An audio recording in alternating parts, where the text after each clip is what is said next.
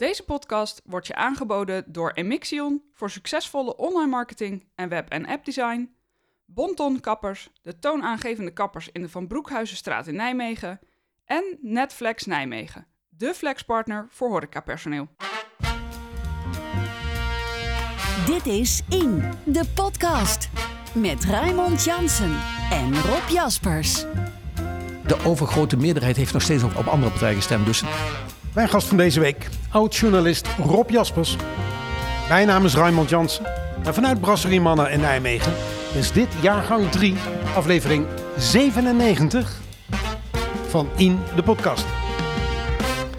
Ja, welkom terug Rob. Straks uiteraard over de uitslag van de Provinciale Statenverkiezing. En over de raadsvergadering van deze week. Maar eerst, In de Podcast wordt mede mogelijk gemaakt door donaties van luisteraars. En ook u kunt ons steunen. Dat kan al voor een klein bedrag per maand. Je bent namelijk al vriend van de show voor minder dan de prijs van een kop koffie in de kroeg. Wil jij dat nou ook? Ga naar inepodcast.nl slash petje af en word vriend van de show. Goed, dat gezegd hebbende, straks in de rubriek terugbladeren praat Rob Jaspers over de geschiedenis van het gebied Winkelsteeg. Maar eerst, Dit is In, de podcast. Ja Rob, eh, even een paar korte dingen. Hè. Eh, het eh, Romeinse masker, Eh, het blijft. ja, het gezicht van Nijmegen. eh 5 april moet nog de definitief besluit vormen. Maar als je de politieke avond van deze week beluistert... dan zie je dat er een meerderheid is eh, om dat masker te behouden. En dat is gewoon eh, een, een terechte erkenning voor eh, die locatie. Het is een trekker, het is city marketing. Het vertelt het verhaal van het verleden. Ja. En ja, wat wel nodig blijft... ook Oud-West, Waalfront moet een Romeinse herinnering krijgen. Ja, want daar zou het masker aanvankelijk eh, Nou, dat zou uiteindelijk verplaatst worden. Precies. Eh, maar het was eigenlijk ontworpen voor Verveurland. Ja, precies. Nu moet er eh, iets anders komen op Ja. die andere plek. Rosalie, Tho- Rosalie Thomassen van de Stadspartij Nijmegen heeft daar een plan voor gemaakt. Hè? Ja. Hoe, eh, hoe gaat dat er dan uitzien? Dat plan voor... Ja? eh, nou kijk, de PvdA heeft wel eens een, een motie opgeroepen... Hè, van maak iets zichtbaar. Zelfs vergunst als raadslid heeft altijd gepleit... om in Oud-West iets te doen. Ja. Ik zou zeggen, ga met de buurt in overleg. Ik heb gezien trouwens dat Tobias van Elferen ook al is gewoon rondlopen. eh, want die is verantwoordelijk voor erfgoed in het gebied. Je, je moet dat verhaal, de grootste stad... lag aan die zijde, aan het Waalfront. Dat moet je in herinnering brengen. Ja. Iets anders. We hebben het in deze podcast ook wel eens gehad over gevaarlijke fietsroutes, oversteekplaatsen, eh, plekken waar, waar fietsers toch ve- eh, gevaar lopen. Ehm, er is een lijstje gepubliceerd met ja, Ja, ja. In, in, in de buurt plekken. die heeft een oproep gedaan aan mensen van... God, wat zijn nou gevaarlijke plekken? En ik heb er toch naar gekeken. Daar kwamen toch best veel reacties op. En, en, en ook herkenbaar. Dan denk je, eigenlijk zou je dat als gemeente moeten doen. Want er kwamen eh, zaken op als eh, de Dalmarasweg. Maar de Dalmarasweg wordt nu aangepakt. Die was al uit een eerdere enquête gekomen, ja, gevaarlijk. Maar nadrukkelijk komt ook naar boven... Heel herkenbaar, de Muntweg. Oh ja. Fietsers voelen zich daar niet safe. Nee. Althans, het gedeelte waar je niet dat aparte fietspad hebt. Eh, de Coleman Binance singles. Eh, wat mensen ook echt treft, heel vaak voorbij komt, is eigenlijk de net gerealiseerde vernieuwing bij het Kelfkesbos. Hertogstraat, Voerweg, die draai die mensen daar moeten Ja, maken. ja. Bij dat hotel, bij dat café in die hoek. Dat vinden mensen levensgevaarlijk. En als je daar staat, toevallig zat ik de afgelopen week in het café. Nou, je, wilt niet weten wat je Ja, ziet aan bijna ongelukken. En je denkt, hé, hey, dit is net klaar. Hoe kan dit? Mensen maken er opmerkingen over. En eh, ja, ik, ik, ik vind eigenlijk... Ik, kijk, de Gelderland heeft het wel eens gedaan. eh, in de buurt heeft het nu gedaan. Ik denk dat het bijna een oproep is voor de gemeente. Peil consequent van, hey, wat vinden mensen van de fiets? Want we willen steeds meer fietsen. Dat is ook een oproep van de gemeente. Ja, hè? ja. En dan blijkt bijvoorbeeld ook... Veel mensen laten weten dat ze de fietsroutes die er zijn soms te smal zijn voor de toegenomen drukte van het verkeer. En heel recent, deze week in Amsterdam, er heeft een wethouder geroepen... jongens, het wordt zo druk op die fietspaden... misschien moeten we zelfs voor elektrische fietsen... een snelheidsbeperking Ja. in gaan voeren tot 20 km per uur. En dan flitsen langs de fietspaden? Ja, ja, dat was de vraag, hoe, hoe Ja. controleer je dat? Maar het zegt wel iets over de Zeker. verandering op de fietspaden... en dat we op een nieuwe manier daarna moeten kijken. Zeker. En dat, dat vereist iets van de gemeente. En juist als Nijmegen zegt, de politiek zegt... wij zijn een fietsstad... Nou, dan hoor je daar ook prioriteit te hebben van... Ja. wat zijn de plekken en- die gevaarlijk zijn... en hoe moeten we die aanpakken? Twee weken geleden eh, benoemde jij eh, dat de verkoop van bouwkavels eh, zo sterk achterblijft in vergelijking met voorgaande jaren. Toen gaf de verantwoordelijk wethouder wel vergunst daar nog eh, het predicaat eh, ehm, Ja, hij was geschrokken. alarmerend aan, misschien hè? Ja, Woensdagavond, gisteravond, tijdens de raadsvergadering, toen zei hij toch iets anders, hè? Ja, toen was het echt van, hij, hij, je kon zien, die cijfers van, de, van onlangs, die waren van 2022, maar we zijn nu alweer een eind gevorderd in 2023. En daar zit een schrik in Ja. dat ook die verkoop dit jaar fors gaat tegenvallen. En de verklaringen zijn natuurlijk, de bouwprijzen zijn gestegen, de rentes omhoog gegaan, eh, er komen niet meer aan de productiemiddelen voor de bouw. En je kon nu proeven, hij sprak, ja, welke woorden moet ik gebruiken? Moet ik somber gebruiken? Moet ik dramatisch gebruiken?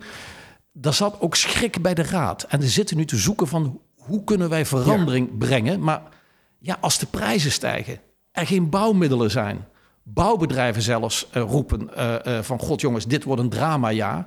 Ja, wat kun je dan als gemeente doen? We hebben het vaak over wethouder vergunst. En je kunt veel van hem zeggen, maar op het dossier wonen heeft hij een uitstekende staat van dienst. Hè? Ja, ja, ja ik, ik, ik durf wel eens te zeggen, ik mopper regelmatig funds, maar misschien is hij voor de stad, als het gaat om bouwen, om creativiteit, de plekken in te vullen, is hij misschien wel groter geworden dan ooit de geroemde Paul de Pla. Ja. Hij durft andere keuzes te maken, maar hij zit wel in een crisis nu met de bouw, die hem niet aan te rekenen valt, maar het gaat hem wel raken. We kunnen niet in de toekomst kijken, maar dit gaat nog wel eh, even duren. Hè? Dit gaat eh, even duren, dus ik denk dat er een, een, een enorme dip gaat komen, ja. Dit is In, de podcast. Vorige week veroorzaakte de boer-burgerbeweging een aardverschuiving in het Nederlandse politieke landschap. De partij van Caroline van der Plas werd in alle provincies de grootste, dus ook in Gelderland.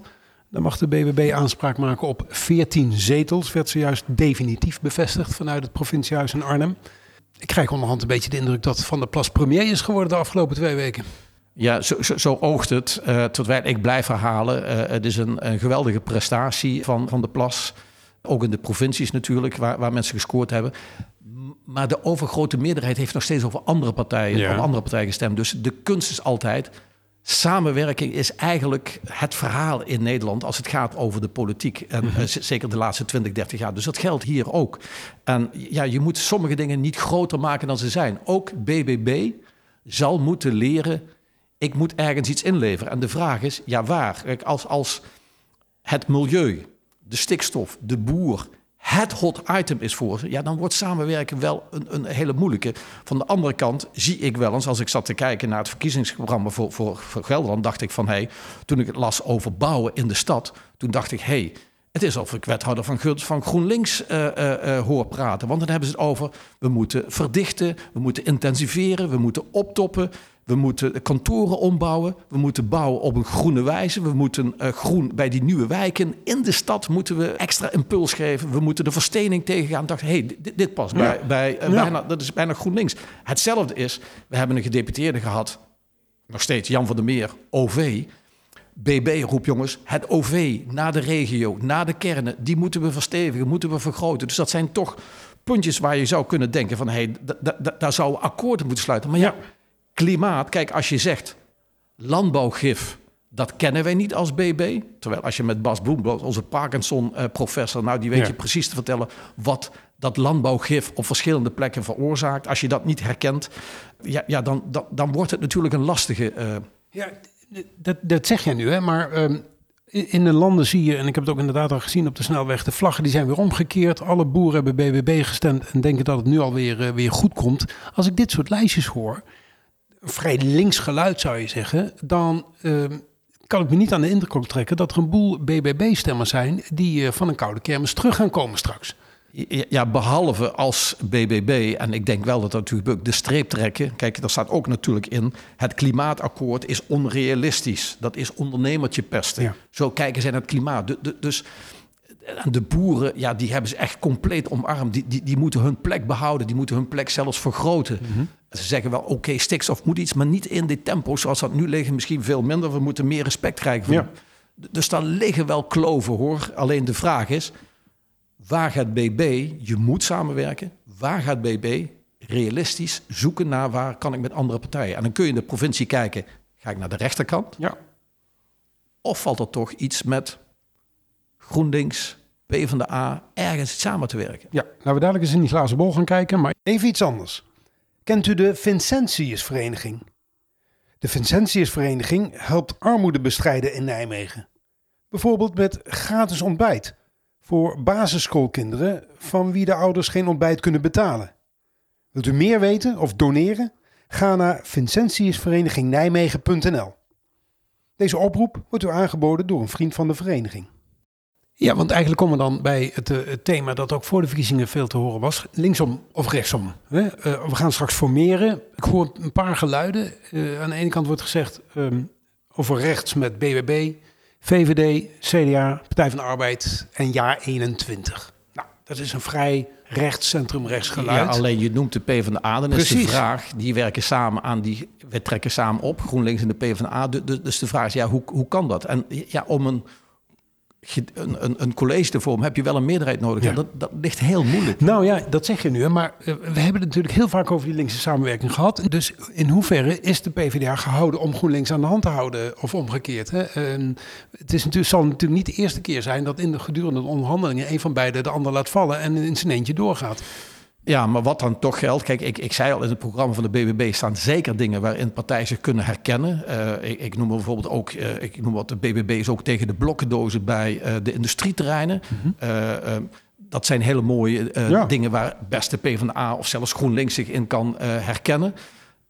maar dat milieu, we zitten natuurlijk wel in een. Nou ja, precies. En, en BBB wil een breed gedragen coalitie, hebben ze, hebben ze laten vallen. Um, nou ja, de VVD, hoewel fors verloren, um, is toch wel de eerste partner waar naar gekeken wordt, denk ik. Het CDA zal, denk ik, met Peter Drent uh, aan kop uh, handig genoeg zijn om zichzelf in ieder geval aan te laten haken bij deze uh, beoogde coalitie. ja, en dan? Elrie Bakker is ook een nieuwkomer, net als BBB. Je kunt je afvragen of dat het meest stabiele um, oplossing zou zijn. Um, ik vind het spannend. Het gaat wel even duren, denk ik. Ja. ja en ehm, ja, de kunst is alle partijen, ook een winnaar, moet durven te erkennen, je moet inleveren om samen te werken. Ja. En uh, ja, de vraag is, realiseer zich dat? Want uh, je ziet ook, deze week zag ik in de krant een, een, een, een, plaatje staan... waar in Nijmegen de BBB was de grootste. Ja. En dan wordt net gedaan alsof Dukenburg en Lindenholt uh, de, de BB-deel van Nijmegen is. Maar ook daar geldt, jongens, het gaat over 15% 19% zelfs in Dukenburg is, als je alle linkse partijen optelt nog steeds het grootste, boven de 50 procent. Dus uh, alleen dan is het niet GroenLinks, maar heeft de PvdA meer stemmen of de SP meer stemmen. En, en zelfs waar je ziet waar GroenLinks het grootste is, dat valt ook allemaal wel mee. Nijmegen heeft natuurlijk wel een extreme uitslag. Hè? Nijmegen is een, een, ja, een linkse, progressieve stad. Dit keer heeft men ruim uh, 68 procent gehaald met links als je de SP Volt, want dat is natuurlijk de verrassing. Ja, de Volt, ja, uh, uh, die, die toch enorm gescoord heeft, die misschien een volgende keer in gemeenteraadsverkiezingen meedoet en met 8, 9, 10 procent uh, toch ook zetels hier zou halen. Als je toch bedenkt dat Volt hier niet meedeed met de gemeenteraad, omdat ze de man-vrouw verdeling niet scherp kregen, dan die zullen zich wel achter de oren krabbelen als ze zien wat voor uitslag ze hebben geboekt nu in, in, de provincie. Maar kijk, maar Nijmegen blijft een bijzondere stad, want in 2019 had links overigens meer opgeteld dan uh, nu. Hadden ze uh, 69,6 procent. En in 2015 had links progressief zelfs 70 procent. Dus er is 2 procent af, maar het zegt iets over de stad. En de BB totaal, ja, die hebben 6,9 procent, 7 procent in de stad Nijmegen. Dus Nijmegen heeft toch wel een aparte politieke identiteit. Want ja. loop je naar Bergendal, loop je naar Beuningen, ja. loop je naar Wiegen... dan zie je een totaal andere uitslag. Wat wel overigens opvallend is, verraste mij altijd... Mook Middelaar, er is GroenLinks ook uh, bovenaan het lijstje ja. als nummer één. Heb ja. ik me altijd dat, dus, ja, ja, zo'n. Zo ja. ja, bijzonder. Um, ja, die analyse in de Gelderland was een beetje, een beetje platgeslagen. Hè? De, heel veel GroenLinks en, uh, en heel Dukenburg en Lindenholt ja, zouden op een paar wijken altijd, naar BBB gestemd hebben. Je moet naar meer partijen kijken. Precies. Je moet uh, nummer 1 en nummer 2 moet je bij elkaar optellen. Uh, je moet uh, progressief bij elkaar optellen en dan die vergelijking maken. Je ja. kunt, ik zeg nogmaals, een Dukenburg stemt ook meer dan 50% op progressieve partijen. Dus je, je moet die wijk waken voor die kleur. Wat je wel is, je ziet een kloof door de stad. In Oost haalt BBB niks. Ja. En in Dukenburg-Lindenholt haalt dat halen ze fors aantal stemmen. Dus je ziet wel een kloof van mensen die zich ja, niet gehoord uh, uh, voelen. Dat moet je dus wel uh, herkennen. Ja, overigens, de linkse samenwerking in Nijmegen was in totaal ook maar goed voor 9, 19 plus Partij van de Arbeid. 14,5. Ja, ik, ik zeg altijd... als je het hebt over grootste, ik, ik roep al jaren, ja. je moet niet meer praten over grootste. Dat was vroeger toen partijen 30% van de stemmen halen, het CDA ja. en de PvdA ooit in het verleden. Nee, je moet over klein, kleiner, nog kleiner, kleinste praten. Iets anders, hè? Ans Mol. Ans Mol is wethouder in de gemeente Westmaas en Wel. Die mevrouw is gekozen in de, uh, uh, stond op de kieslijst voor een lokale partij al daar, is wethouder geworden. En um, is nu heel prominent aanwezig bij BBB in Arnhem. Naast die wat onervaren Rick Loeters, die natuurlijk nieuw is als... Is hij eigenlijk al lijsttrekker? Dat weet ik eigenlijk niet eens. Um, Ans Mol wordt genoemd als gedeputeerde. Samen met uh, Harold Zoet, hè, de oud-CDA. Uh, die, Fractieleider. Uh, die toch lang, dat, maar dat zegt voor mij ook iets. Hè? Ja. Zo je denkt altijd BBB, dat zijn nieuwkomers. Ja. Nou, ik, ik, ik ben zelfs landelijk gaan kijken. Als ja, ik naar mensen kijk, dan zie ik vooral mensen die BBB de gezichten zijn nu bij de overleggen. Die eigenlijk in andere politieke partijen allemaal een gezicht gehad hebben. Dus het is niet zo dat een nieuwe verrassende buitenwereld de politiek verovert met het BBB. Nee, het zijn mensen die soms eigenlijk al een hele lange carrière. Die zoet, hè? Ja. Ik geloof acht jaar fractievoorzitter geweest van het CDA. Dus, dus kortom, dat is geen, geen, geen onbekende en, uh, in dat wereldje. En die Ans Mol is ook al twee termijnen wethouder. Misschien al drie, dat weet ik eigenlijk niet eens uit mijn hoofd. Maar ik vind het wel opmerkelijk. Je gaat voor de ene partij in de, in de lokale politiek... en dan word je genoemd voor een hele andere partij als gedeputeerde. Ik kan me voorstellen dat mensen die in de tijd op die nummer drie gestemd hebben, Ans Mol stond op drie voor die lokale partij, dat die denken, hoe kan het nou dat die mevrouw in één keer voor de BBB gedeputeerde gaat worden? Ja, kijk, daar kijk ik misschien wat soepeler naar. Als je bijvoorbeeld naar de Stadspartij kijkt, dat zijn allemaal mensen die zijn aangesloten bij een, of die stemmen op een landelijke partij, bij landelijke oh verkiezingen. En dat varieert zelfs van uh, uh, links van Volt tot uh, het CDA of de VVD. Maar die vormen als Stadspartij één geheel. Dus ik kan me best voorstellen dat mensen wel eens een overstap maken hoor.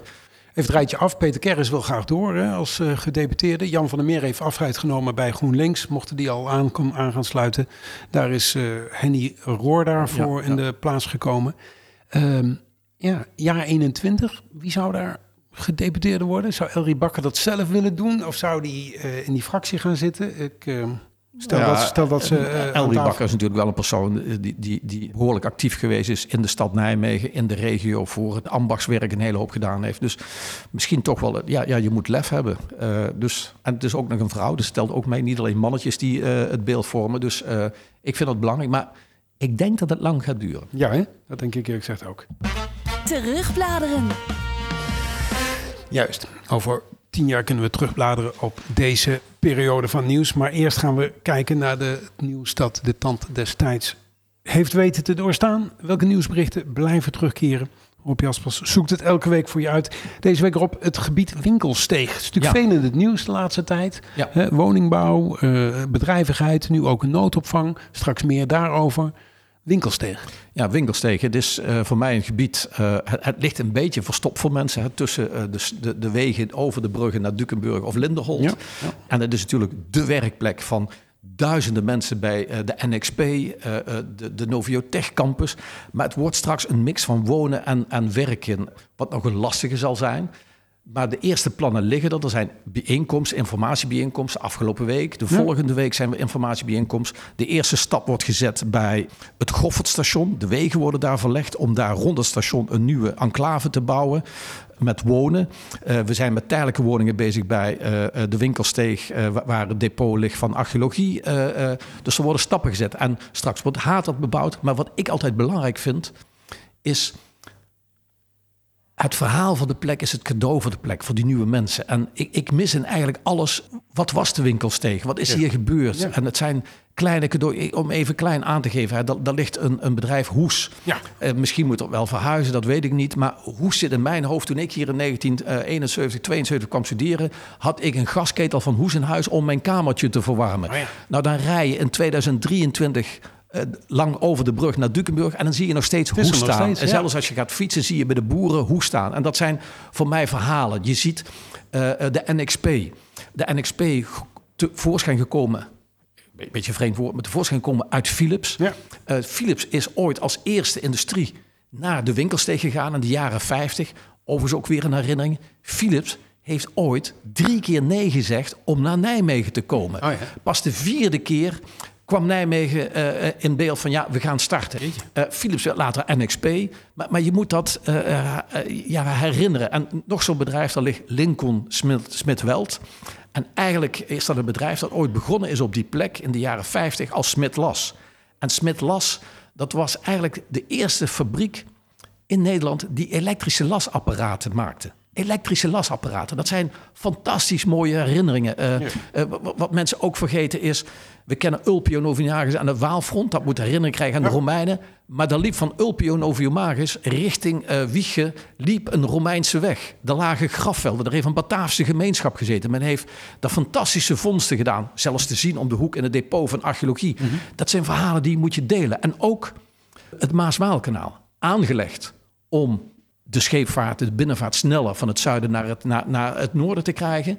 Maar dat Maas-Waalkanaal is jongens gegraven, denk je even voor, met de schop. Hè? Ja, ja, ja, We kennen de Goffert, waar die enorme schoffert, Ja. waar, waar mensen die werkeloosheid waren, de bloedkuil. Maar ook dat Maas-Waalkanaal is zo gegraven. Nou, dan moet je bij stilstaan. Dat zijn unieke verhalen, die moet je delen, omhoog halen. Maar ik, ik hoor van jou vooral verhalen over bedrijvigheid. Wonen in Winkelsteeg, dat is dus Ja, relatief kijk, nieuw. Dat is in die zin redelijk nieuw. Kijk, de Romeinen hadden daar dus een Bataafse gemeenschap. Dus 2000 jaar geleden zat, zat daar ook een kleine gemeenschap, 200, 300 mensen.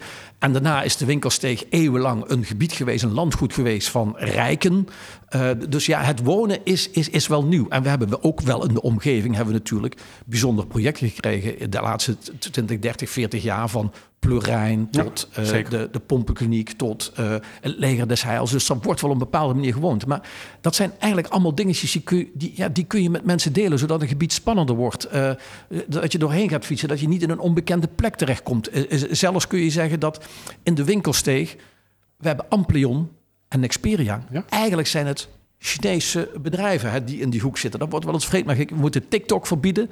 Maar hier hebben we het hoofdkantoor van enkele Chinese chipproducenten. En wat ook mooi is, dat, dat eh, die NXP natuurlijk, jongens, dat, daar werken veel mensen. Maar in elke auto, in elke telefoon zitten chips. Gemaakt eigenlijk hier in Nijmegen. Dat zijn, ja, ik vind dat prachtige cadeautjes als je daar gaat wonen. Schrijf dat op, deel dat met mensen. Zodat je door een gebied loopt met een geschiedenis die voor mensen herkenbaar wordt. Dat, dat je niet denkt van, oh, we gaan nu woningen neerzetten bij NXP. Dat is het. Nee, verbind dat met het verleden. Ja, en die chip zie je trouwens ook terug in de bouw van het, eh, van het pand van NXP. Hè? Ja, ja, ja, ja. Het, dus, en, en je hebt de kathedraal en, en, en bijvoorbeeld om ook aan te geven... je ziet die, die toren van 52 Degrees. Hè, dat Ja. is ooit gebouwd in, in opdracht van Philips. Dat, dat, dat is nooit een succes geworden, maar die toren is wel gebouwd. Maar die toren is gebouwd dankzij een handige truc van eh, mevrouw Ter Horst... toen burgemeester in Nijmegen, Kleisterlee.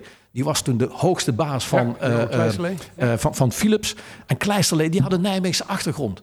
Dus wat doet eh Ter Horst? Die nodigt die Kleisterlee uit om naar Nijmegen... om eh, dat gebied te laten zien en eigenlijk een duw te geven... eh, van god, kunnen we die toren bouwen? Die idee van eh, Lubbers hè, in, in de tijd. Ja. eh, om die toren te bouwen. En ja. dat heeft daarna eigenlijk is dat razendsnel gerealiseerd. En dan denk ik, dat was dat hele simpele contact... van die Kleisterlee die in de, de diamantbuurt nabij Hatert kwam.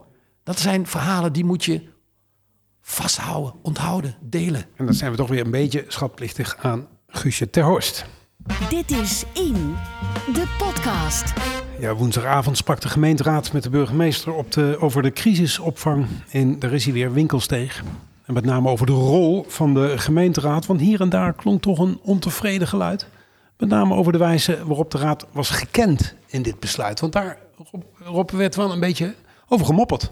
Er werd een beetje over gemopperd, eh, omdat het eh, ja, ja, eigenlijk eh, nadat het besluit genomen werd, werd de raad geïnformeerd, werden bewoners geïnformeerd. Er was wel vooroverleg geweest. Van de andere kant, Nijmegen heeft een gezicht als het gaat om de opvang van vluchtelingen. Staat klaar. Ja. Bruls, Grete Visser, wethouder, is daar, zijn daar koplopers in. Eh, dus ja, ik kan me voorstellen bij nood, je, je helpt. En ja, dan moet je snel doen. En ik vond ook wel dat ze een verklaring hadden van ze hadden allerlei locaties bekeken. Maar hier bij die voetbalclub van Haten, daar ligt riolering, daar liggen eh, eh, wasvoorzieningen. Du- Dus, dus je kunt daar veel sneller iets doen dan op andere plekken. Ja, En- toch, toch als wel de VVD, maar ook de Stadspartij en ook voor Nijmegen, pardon, gewoon Nijmegen.nu. Dat waren ook wel partijen die zeiden, ja, eh, het houdt ook een keertje op. Ja, ze, ze zeiden van, eh nou, er zaten twee kanten aan. Enerzijds zat er toch een trots dat Nijmegen klaar staat. dat gezegd hebben, Eh, zeker. maar tegelijkertijd, zei ze, waarom steeds Nijmegen? Dus laat ook die andere gemeenten wat doen. Er zijn overigens, ik zag de- de- deze week ook weer dat in de Betuwe vluchtelingen worden opgevangen. Dus dat, er zijn wel stapjes. ja, maar goed, de burgemeester van Eindhoven, die heeft heel duidelijk tegen de staatssecretaris gezegd, wij doen niet mee, punt. Ja. En daar was de staatssecretaris redelijk pissig over, had ik de indruk in zijn reactie. Ehm, maar met Bruls valt eigenlijk niet te discussiëren over eh, opvang van mensen die het eh, Nee, eh, ik- moeilijk hebben. Ja, ik, ik, ik vind dat hij best een emotioneel betoog hield. Eh, hij, hij, hij sprak bijvoorbeeld, hij had mensen bezocht bij Brakkestein. Dan komt hij oudere mensen tegen die eigenlijk hun gezin, hun familie hebben achtergelaten. Ja. En eigenlijk gebroken in Brakkestein zitten. En hij noemde dat verhaal heel fel, kwam dat uit zijn, uit zijn mond. Omdat er ge- geklaagd werd over straks komen hier vooral alleenstaande mannen. En dan wordt dat gekoppeld aan criminaliteit en gevaar, et cetera. Maar Bruls maakte helder, jongens. Alleenstaande mannen, dat zijn niet alleen die 18, 19, 20, 23-jarigen, die verhalen. Nee, dat zijn soms ook gewoon 30, 40-plussers... die hun familie, hun kinderen achtergelaten hebben... en die vooruitgeschoven zijn. Zeker. En die niks liever willen dan die ver- verbinding weer krijgen... met hun, hun, Ja. hun kinderen, hun, hun, hun, hun partner. Ja, Dus- dus- zeker. Dus de christendemocraat Bruls eh, heeft een groot hart voor, eh, voor die opvang. Daar kun je hem niks eh, van ontzeggen. Maar het was woensdagavond ook VVD-raadslid Niek Kraut. Die, die had met buurtbewoners gesproken... die niet zo te spreken waren over de opvang en de komst van die opvang. En dat was toch ook even tegen het zere been van Hubert Bruls. Ik weet niet wie u heeft gesproken, meneer maar sommige mensen eh, had ik het idee van dat ze helemaal niet geïnteresseerd waren in meebepalen. Die wilden alleen maar één ding, gif spuiten over vluchtelingen. Ja, meneer Kroot, die waren er. En dat was een hele kleine minderheid. Ik ben er geweest, u niet. Ja, voorzitter. Ik, ik, ik vind het bijzonder vervelend dat de mensen die ik spreek hier even weggezet worden als schreeuwers. U, u weet niet wie ik heb gesproken. Ik weet niet of dat ook de groep is waar u op bedoelt. Eh, maar de mensen met wie ik een gesprek heb gehad waren behoorlijk integer. We hadden grote zorgen. En ik vind het eh, erg makkelijk om iemand die tegengeluid heeft en daar contact op zoekt met een volksvertegenwoordiger weg te zetten als schreeuwers en een kleine minderheid. Eh, het is volgens mij aan ons om te waarderen hoe wij onze informatie ontvangen. En ik vind het echt een disqualificatie die u terug moet nemen. Want het past echt niet om de mensen die wij zo te spreken weg te zetten. Ja, maar je moet wel luisteren wat ik zeg. U heeft misschien een paar mensen gehad die zich bij, mel- eh, bij zich melden. Wij hebben, de wethouder en ik, hebben gesproken met 150 mensen die op een avond waren. En daar waren een aantal mensen bij die met nog een luide stem dachten de vergadering te kunnen overnemen. Die zijn naar de hand, de wethouder is mijn getuige geweest, wel een kwartier met mij in gesprek geweest. En wat mij opviel, die hebben geen vraag gesteld. Die hebben geen vraag gesteld. Die hebben alleen maar dingen gezegd. En het kwam er eigenlijk op neer tot de hond uitlaten. Belangrijker was de mensen onderdak geven. Punt. Ja, maar meneer Koud, u moet nu iets ontkennen. Ik ontken niet uw ervaring. Maar dan moet u ook niet doen of ik dat niet heb meegemaakt. Ja, niet, eh, niet blaffen tegen de baas. Nou ja, ik, ik, ik, je ziet, Hubert Bruls was geraakt. En eh, ik, ik kan me dat voorstellen als je daar, daar, daar geweest bent. Want er zijn inderdaad gifspuiters. En soms moet je ook leren. Kijk, bijvoorbeeld eh, eh, zelfs die 3000 vluchtelingen die opgevangen zijn ooit in, in, in Heumensoord. Daar was aanvankelijk heel veel verzet tegen. En vervolgens werden zelfs de mensen die verzet waren... die werden vrijwilligers bij dat gebied. Die, die, die misschien zelfs voor eeuwig vriendschap gesloten hebben... met vluchtelingen die er toen gezeten hebben. Dus je moet ook de positieve kant zien. En ja, je moet tegenwoordig zien, eh er zijn ook...